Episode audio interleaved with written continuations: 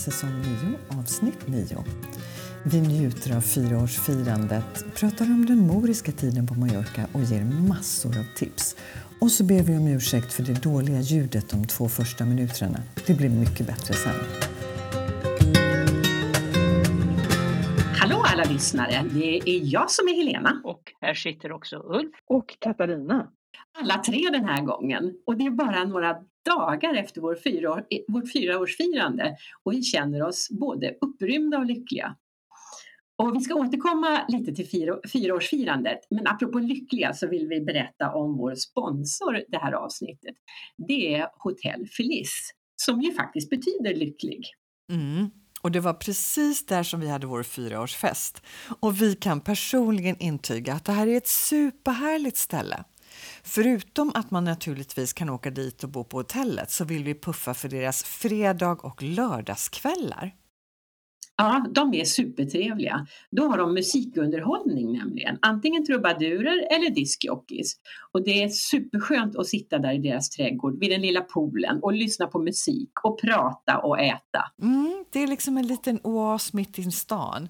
Och god mat har de också spansk internationell meny och kocken är faktiskt från Frankrike. Ja, bara en sån sak. Och du och jag, vi åt ju där sist. Och så gott, både smårätter och huvudrätter, så det blir enkelt om man är ett större sällskap. Mm, helt perfekt. Så är du på Mallorca, kom till det här härliga hänget och den sköna atmosfären i trädgården på Hotel Feliz mitt inne i El Treno. Och som vanligt lägger vi upp kontaktuppgifterna på vår Facebook-sida i kommentarerna under Eh, inlägget. Men hörni, nu har vi pratat om festen. Jag var där också. Jag kan intyga att det var jättetrevligt. Men nu kanske det är dags att fortsätta med dagens tema. Fast vänta nu, hallå, jag känner mig inte alls klar med det här med festen. Vi måste ju prata mer om det. Nej, och inte jag heller. Jag vill ju alltid bara prata om fester. Ja, förstås. Men hörni, visst var det gott om härliga och trevliga människor? Det var det verkligen. Det var eh, roligt att flera lyssnare hade kommit dit och festade med oss. Det var riktigt roligt. Jag tycker det är så modigt av nysslarna utan att känna någon egentligen. Bara läsa inbjudan, dyka upp på vår fest och säga hej, jag gillar er podd, jag brukar lyssna, vad kul att ni har fest.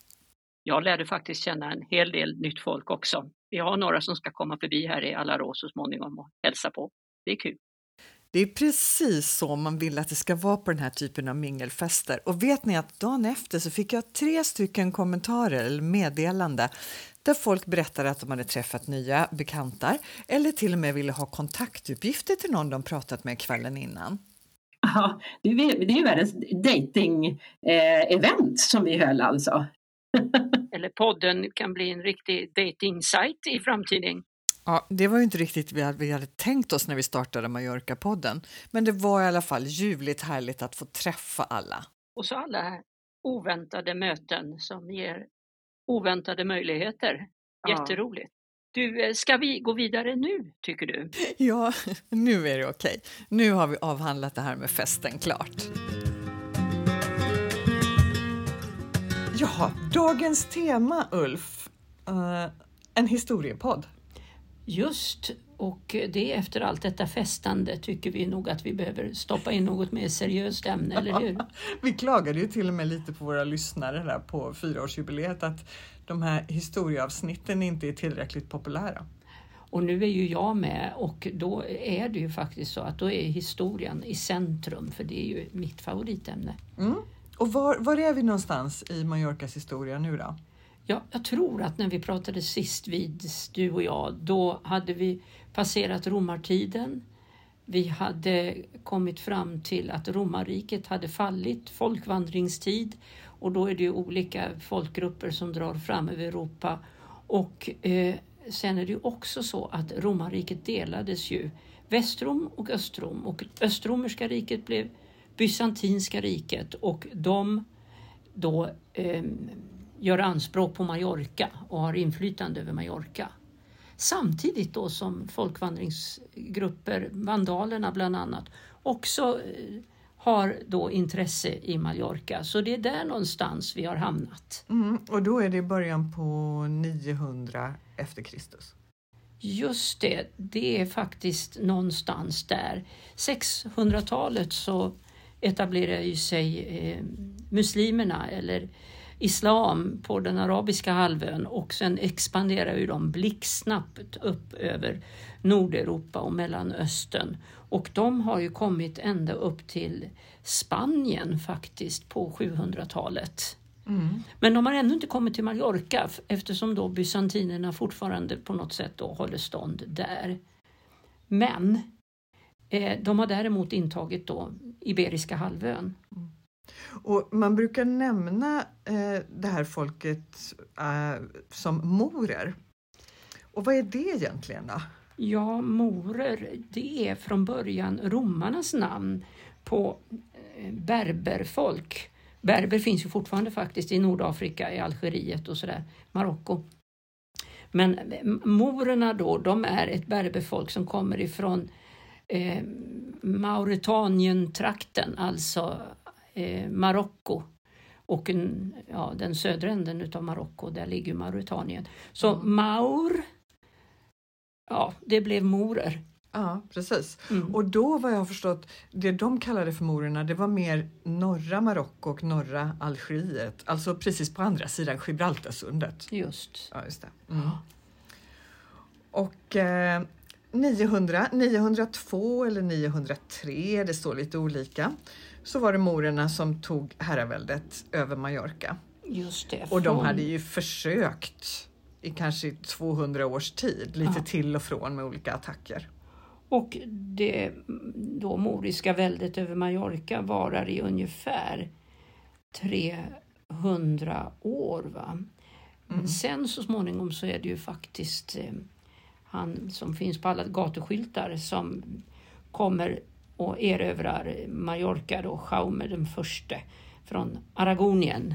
Mm. Och, Men- vi, och gator har vi som är både Jaime den första, Jaime den andra och Jaime den tredje. Just, just, just. Men det är ju faktiskt så att morerna finns ju kvar sen i Spanien mycket längre tid, ända fram till 1400-talet. De har ju den södra änden. Ja, Andalusia är väl ett, Andalusien är väl ett, eh, en, en, en rest utav det väldet som de hade där. Och Grenada och alla de här städerna. Ja. Har, du- har du varit och tittat på Alhambra eller eh, Mesquita i Cordoba? Nej, jag har ju inte det, men alla säger ju att det är fantastiskt. Mm. Ja, Alhambra har jag varit på och Ja. det är det, det är verkligen som du säger helt fantastiskt. Och jag funderade på lite när jag satt och tittade igenom det här. Alltså vi pratar om tusen år sedan. Alltså vad hade vi, vad hade vi i Sverige då? För tusen år sedan, ja, då hade vi precis Birka kanske fanns. Va? Det är väl det mesta stadsbildning vi hade i Sverige då. Ja. Det är lite Ja. skillnad. Men det var ju inte heller så stor befolkning. Det fanns, var väl inte mer än några hundratusen personer som bodde i hela... Nej, det, det är sant. Mm. Ja. Men du, vad var det då som hände när morerna äntligen kunde erövra Mallorca i början på 900-talet? Ja, det är ju en man då som heter Al-Hawalani, något liknande, som eröv, ö, ö, erövrar hela ön och blir någon slags guvernör. Han kommer ju då ifrån Andalusien. Så att eh, han kommer liksom från den spanska sidan och erövrar då eh, hela eh, ön. Och nu sätts en väldigt hektisk period igång. Mm. Det, är, det märks att det är en eh, högtstående kultur som kommer, för då det börjar byggas. Grunderna till det som nu är Almodaina palatset, moskéer, offentliga bad öppnas. Eh, man introducerar nya grödor, ris, kronärtskockor, saffran till exempel. Och gjorde ju det som man kanske är allra mest känd för, bygger bevattningssystem och terrasser som vi ju kan se mycket av idag fortfarande. Just det, murar överallt. Jag ser ju bara när jag går upp eh, i min lilla favoritväg upp i, i bergen här i Alarå. Alarå, där har vi också ett, ett, ett eh, bidrag till historien. Alla namn som börjar på all har ju haft sin grund i den muslimska kulturen och de platserna hänger ju ofta ihop då med att det fanns vatten att tillgå så man kunde odla sina citroner till exempel och mandel och sådär. Va? Mm. Och eh, Medina Mallorca blev namnet på den eh, hamnen man skapade, alltså där Palma nu eh, ligger. Och det blev ju en, en ledande stad i Medelhavet. Inte minst religionsfriheten gjorde ju att det drog till sig många olika folk. Mm. Alltså det gillar man ju. Verkligen. Och sen kommer ju då så småningom de kristna tillbaks och då är det ju bye bye med religionsfriheten. Sen är jag ganska övertygad om att man slog ihjäl varandra lite här och var ändå av olika anledningar. Du, jag har en liten fundering här nu då. då. Då kallar man det som eh, Palma idag, det kallar man för Medina Mallorca. Mallorca. Mm. Eh, jag har alltid trott att Mallorca var, var, var någon typ av det här major, att det är stor och Menorca är, är liten. Men här känns det som att det har ett arabiskt ursprung, namnet. Mm. Men jag tror att Mallorca, det har vi pratat om tidigare, att det fanns redan på talayoternas tid så det hette säkert någonting sånt, bara att araberna tog det och gjorde om det lite. Formade det. Ja. Ja. Ja. Okej.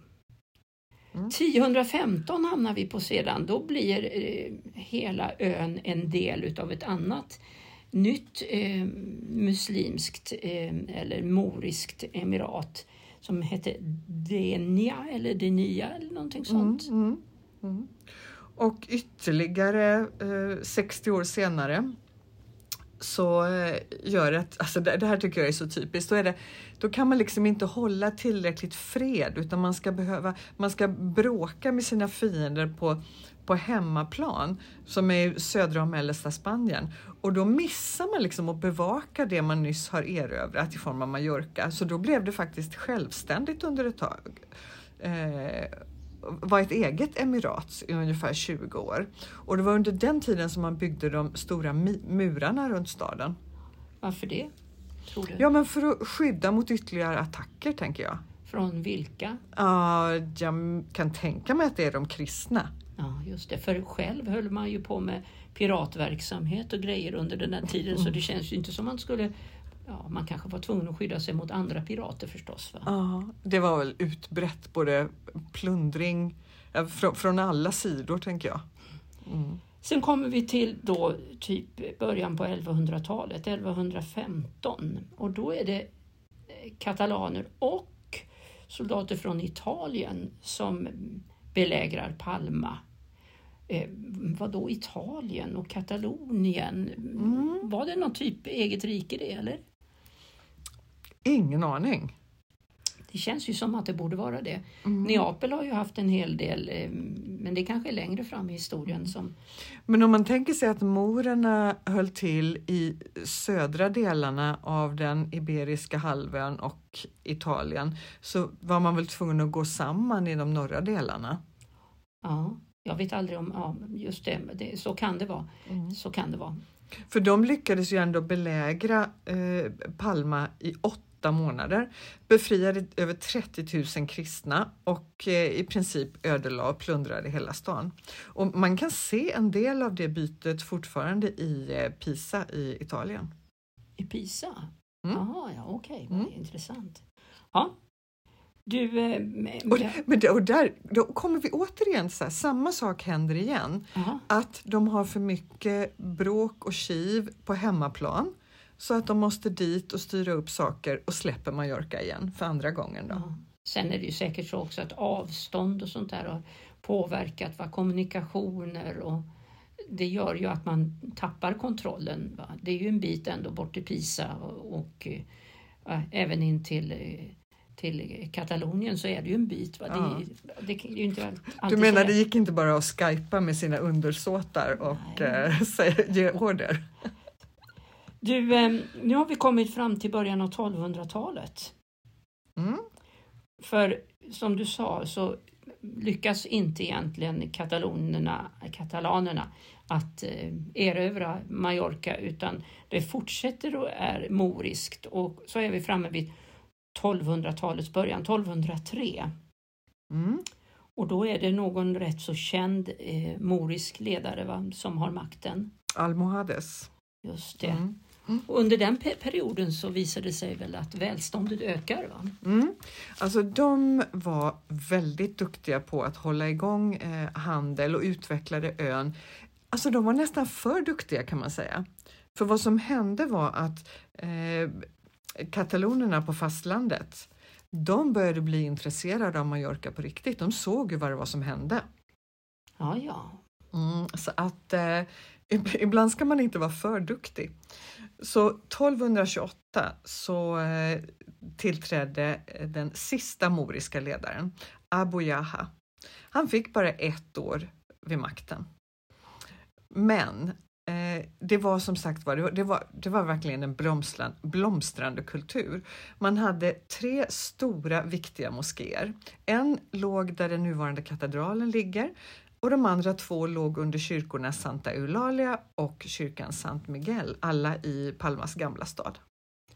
Och eh, eh, kan man se fortfarande att det var, när man går in i de här, kan man märka på något sätt att de är moriska ursprungligen? Mm.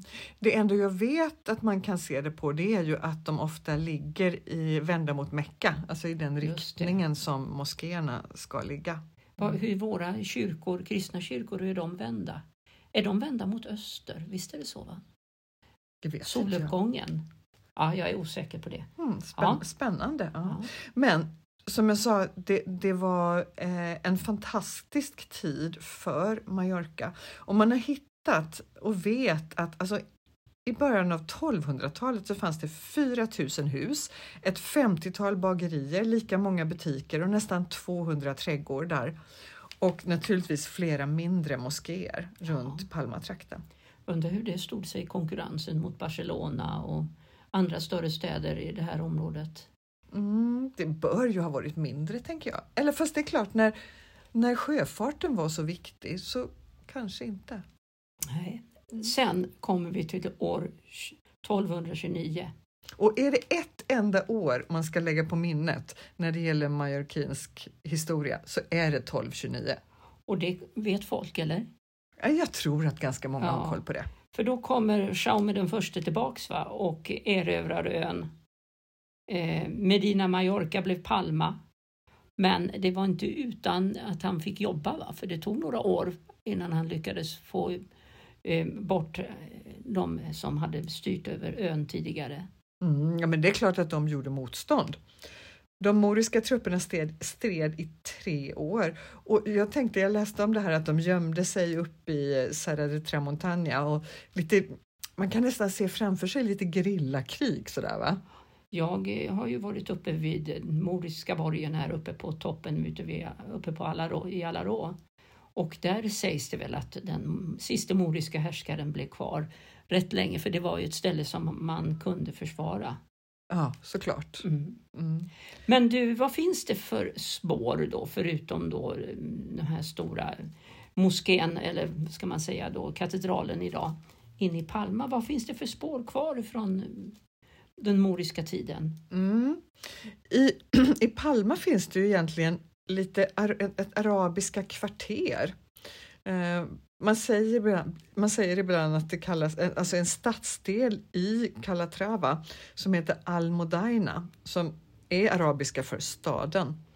Eh, och eh, ja, men Små trånga gator. På romarnas tid hade faktiskt Palma ganska breda, raka gator. Men det kände sig inte morerna bekväma med för de var ju vana vid de här små vindlande gränderna inne i Medinorna. Så att, och de små gatorna finns fortfarande kvar.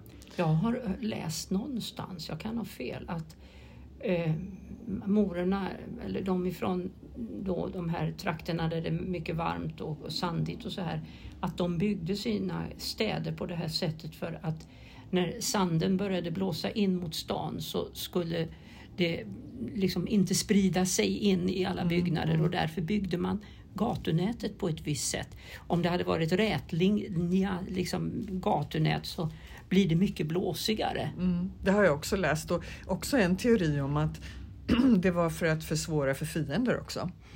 Ja, det är samma sak i Sverige faktiskt. Våra gatusystem är egentligen inte gjorda för klimatet. Man kan gå ut på, på någon gata i Luleå en vintrig kall blåsig dag så märker man det minsann. Ja. det är likadant i Kalmar. Ja. ja.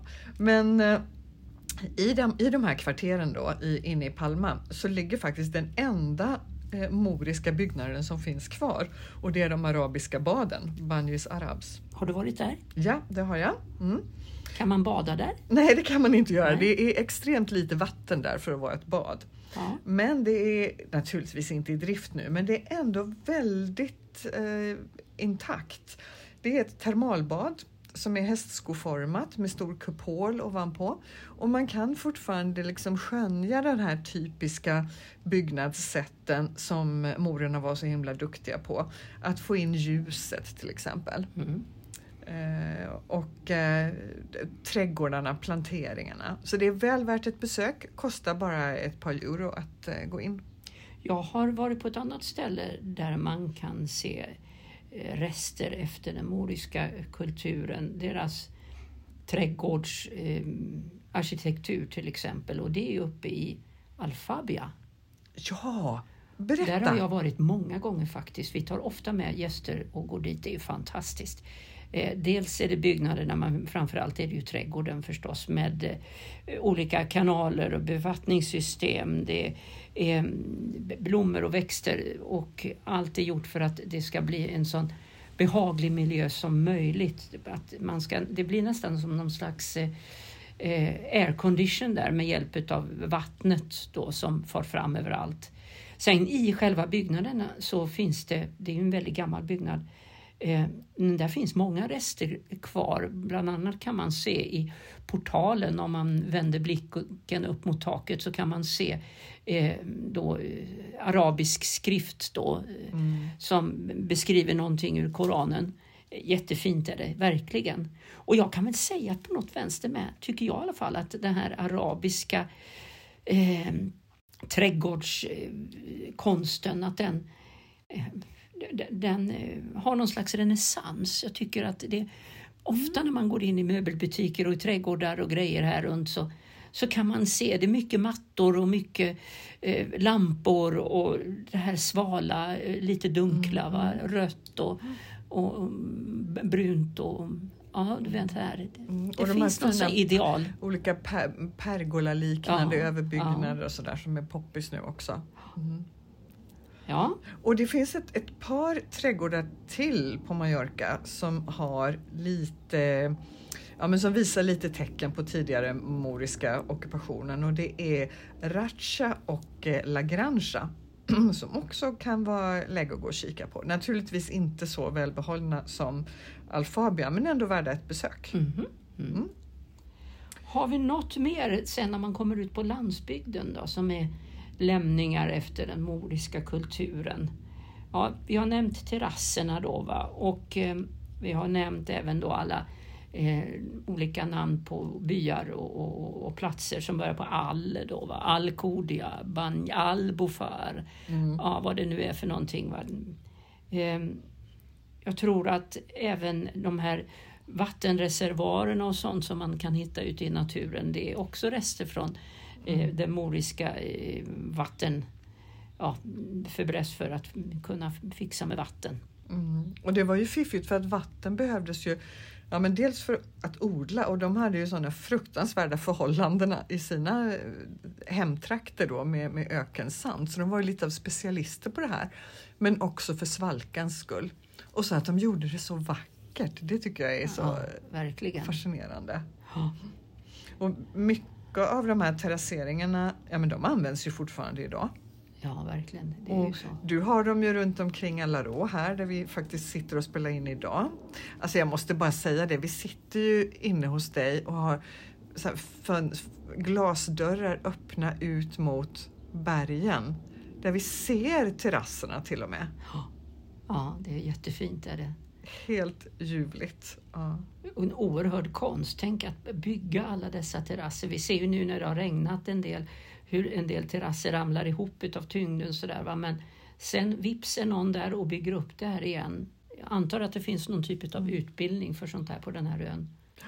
Ja, Det är fantastiskt. Och då, kanske den platsen på ön som är allra mest, där man ser det här allra mest är ju Sojerdalen som är det stora odlingslandskapet. Och namnet Sojer kommer faktiskt från den moriska tiden. Solear betyder gula skal. jaha. citroner då kan man tänka. Ja, och eh, apelsiner kanske. Ja. Mm. Men du, det var väl inte bara eh, citroner och apelsiner som är eh, då lämnat efter morerna. Mandelträden introducerades väl också under den här tiden? va? Ja, det gjorde de. Mandelträden är ju Mallorcas vanligaste träd. Eh, Men det är faktiskt inte tack vare morerna utan det har kommit till vid senare tillfälle som vi får återkomma till i ett senare historieavsnitt när vi börjar närma oss Ja. nutid. Ja. Eh, Men de tog hit mandelträden och olivträden och man tror ju att en del olivträd som finns i Sojedalen är faktiskt runt tusen år gamla. Oj, oj, oj. Ja. Visst är det häftigt? Ja, Tänk om de kunde tala. Ja. Ja. Mm. Du, eh, bland människor då? Nu har vi pratat om arkitektur, vi har pratat om eh, byggnader och eh, vi har pratat om växter och så vidare. Men människorna som bor på ön här idag, finns det något som säger att de har någon, någon spår utav den moriska? Ja, men en del namn Okej. lever kvar. Ja, släktnamn och så. Ja, precis. Lever kvar från den tiden. Ja. Mm. Kan du något exempel? Ehm, Jag vet att här i Alarå det är väldigt många som heter Benassar. Jag vet inte om det har någonting med eh, den moriska kulturen att göra. Det kanske lyssnarna vet bättre än oss. ja. ja, men det, det borde det kunna ha. För jag menar, vi har ju Beni Salem, Felanic, Andrainic, Mm. Alarå som du sa, Biniazar. Mm. Eh, och, så det finns en hel del i språket som finns, finns kvar. Mm. Eh, och det är ju härligt. Verkligen. Ja. Det har varit lite enklare för oss att hitta spår eh, från morerna än de tidsperioder vi har pratat om tidigare. Beror det på att eh, det ligger närmare oss eller beror det på att de faktiskt gjorde mer, större avtryck? Kan det vara en kombination? Säkert, ja. För det är som du säger, ju närmare tiden vi kommer desto Ja. enklare blir det att hitta spår. Men de har ju verkligen gjort ett ordentligt avtryck och jag tror det beror ju på att de var, de var duktiga. Verkligen. Så eh, från 902 till 1229. Så fanns de här på ön. Men däremot så fanns de under en mycket längre tid på spanska fastlandet. Mm. Ja, vad spännande! Det här, den här tidsperioden tycker jag är jätteintressant. Mm. Mm. Mallorca-poddens restaurangspaning. Ina, du har en restaurangspaning på gång, visst är det så? Ja, jag har det och eftersom vi sitter hos dig i Alaroa så tänkte jag att vi tar oss ut från Palma till dina hemmakvarter. Och på båda sidorna om det gamla historiskt väldigt spännande torget Cabrit i Bassa så ligger den familjeägda restaurangen El Trastero. Visst är det ert eh, favohäng? Det är favohänget, dit kan du springa ner i Raggsockorna om du vill. Det är inte många meter. Ja. Härligt! Och jag vet att den ägs av Maria och Hernand från Argentina. Och det finns gott om plats både inomhus och ute på det här fina lilla torget. De erbjuder både lunch och middag mellan 12 och 22. Stängt på tisdagar och gå in på deras Facebook-sida för säkerhets skull och titta för det är lite eh, tajtare öppettider på vintern. På söndagarna läste jag nu mellan 10 och 13 så frestar de med en ljuvlig brunchmeny. Annars hittar vi sallader, bowls, burgare, wok och förstås en argentinsk köttbit på menyn. Både vegetariska och glutenfria alternativ finns förstås. Väldigt prisvärt, mellan 10 och 15 euro sådär. Ja. Mm. Vad har du för favorit när du går dit? Ja, jag tycker ju om de här bowlen faktiskt. De finns ju i lite olika utförande då med både skaldjur och kyckling och kött och sådär. Mm. Jättebra. Och nu är vi inte på någon fin krog. Istället är vi på en mysig familjeägd restaurang med ovanligt god mat och trevlig atmosfär. Så här sitter man liksom tillbakalutad i de blå regissörstolarna på det lilla torget och njuter av sorlet från grannborden och läppjar på rödvinet långt efter att man har ätit klart.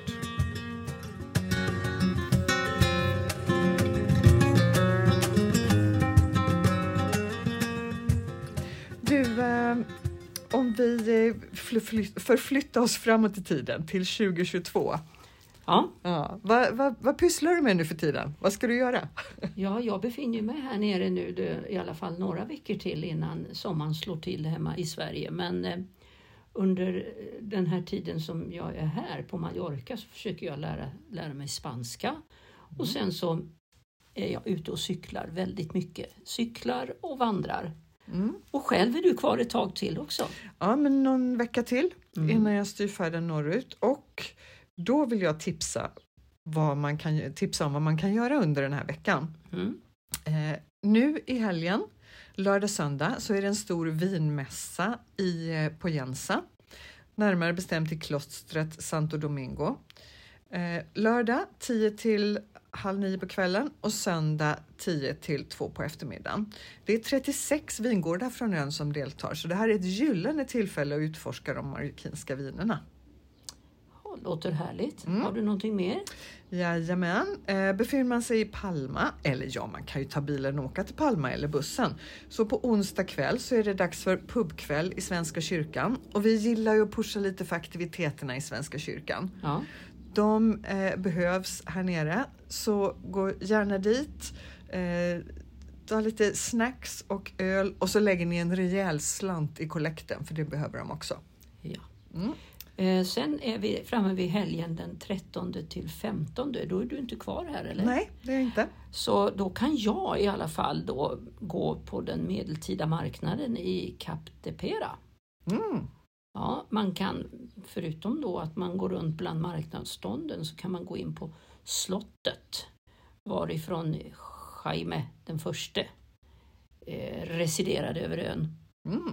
Ja. Ja, men det är härligt. Och jag har faktiskt ett annat tips som också har lite med morerna att göra. Jaha. Och det är ju en av de största festivalerna på ön. Firofestivalen i Sojer. När jag intervjuade Lars och Helen från Sojer, då pratade de sig varma om den här festivalen och det ska vara någonting alldeles speciellt. Det är alltså ett. Man tror nästan inte det är sant när man pratar om det, men det är verkligen så här.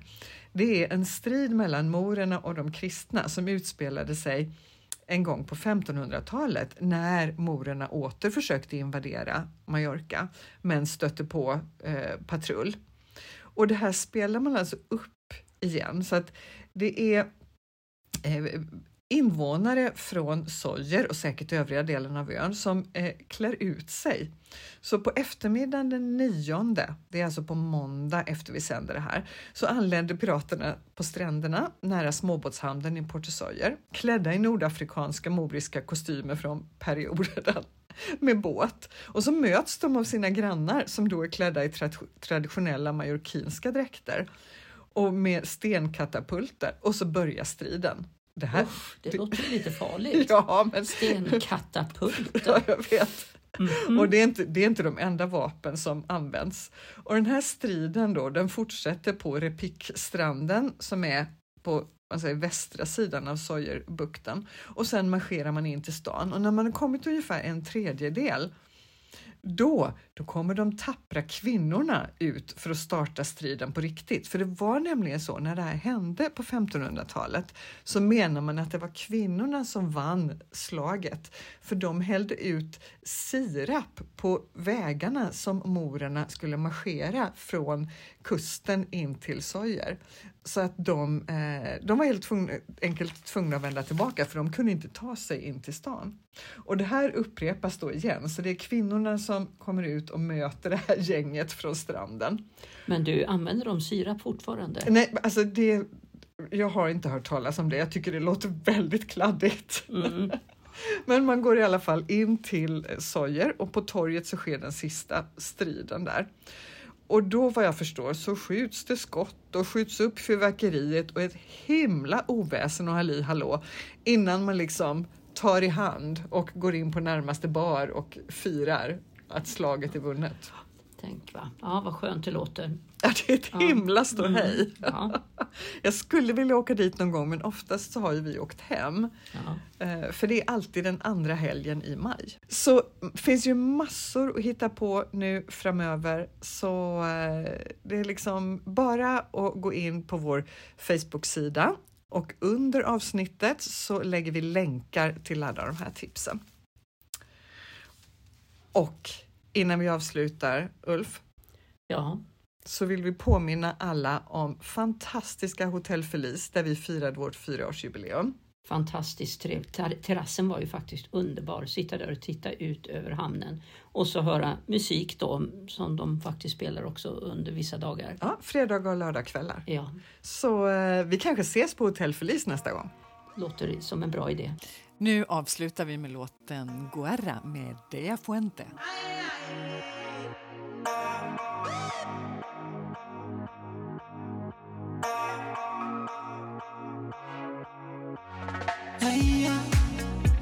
Que ha nacido modelo diva y superestrella. Deja el mundo menos bonito cuando se aleja. Riendo porque mi alma le llora y queja.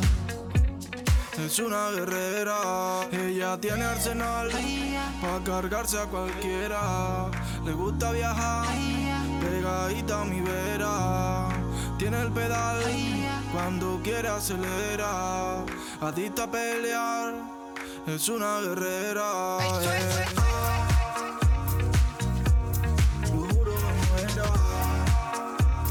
Es una guerrera, muera. Lo juro me muera. Y ella roba la tienda, atraca los bancos, se entera de todos los santos. Se sabe el nombre del jurado. Tiene fichados los horarios. Tiene una hacienda, tres cuatro barcos, un M4 y un Lambo.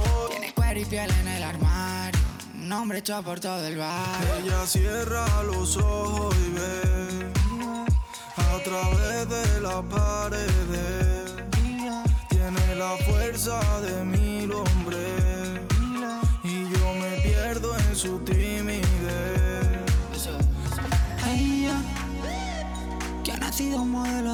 Superestrella. Deja el mundo menos bonito cuando se aleja. Riendo porque mi alma le llora y queja. Es una guerrera, eh.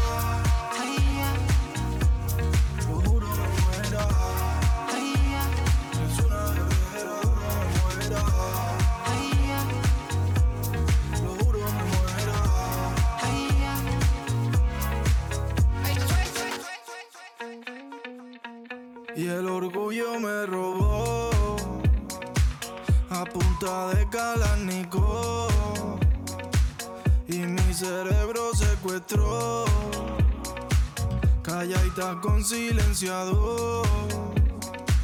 Y ahora todo el mundo sabe que tiene arsenal para cargarse a cualquiera. Le encanta viajar pegadita a mi vera. Tiene el pedal y cuando quiera acelera adicta a pelear es una guerrera.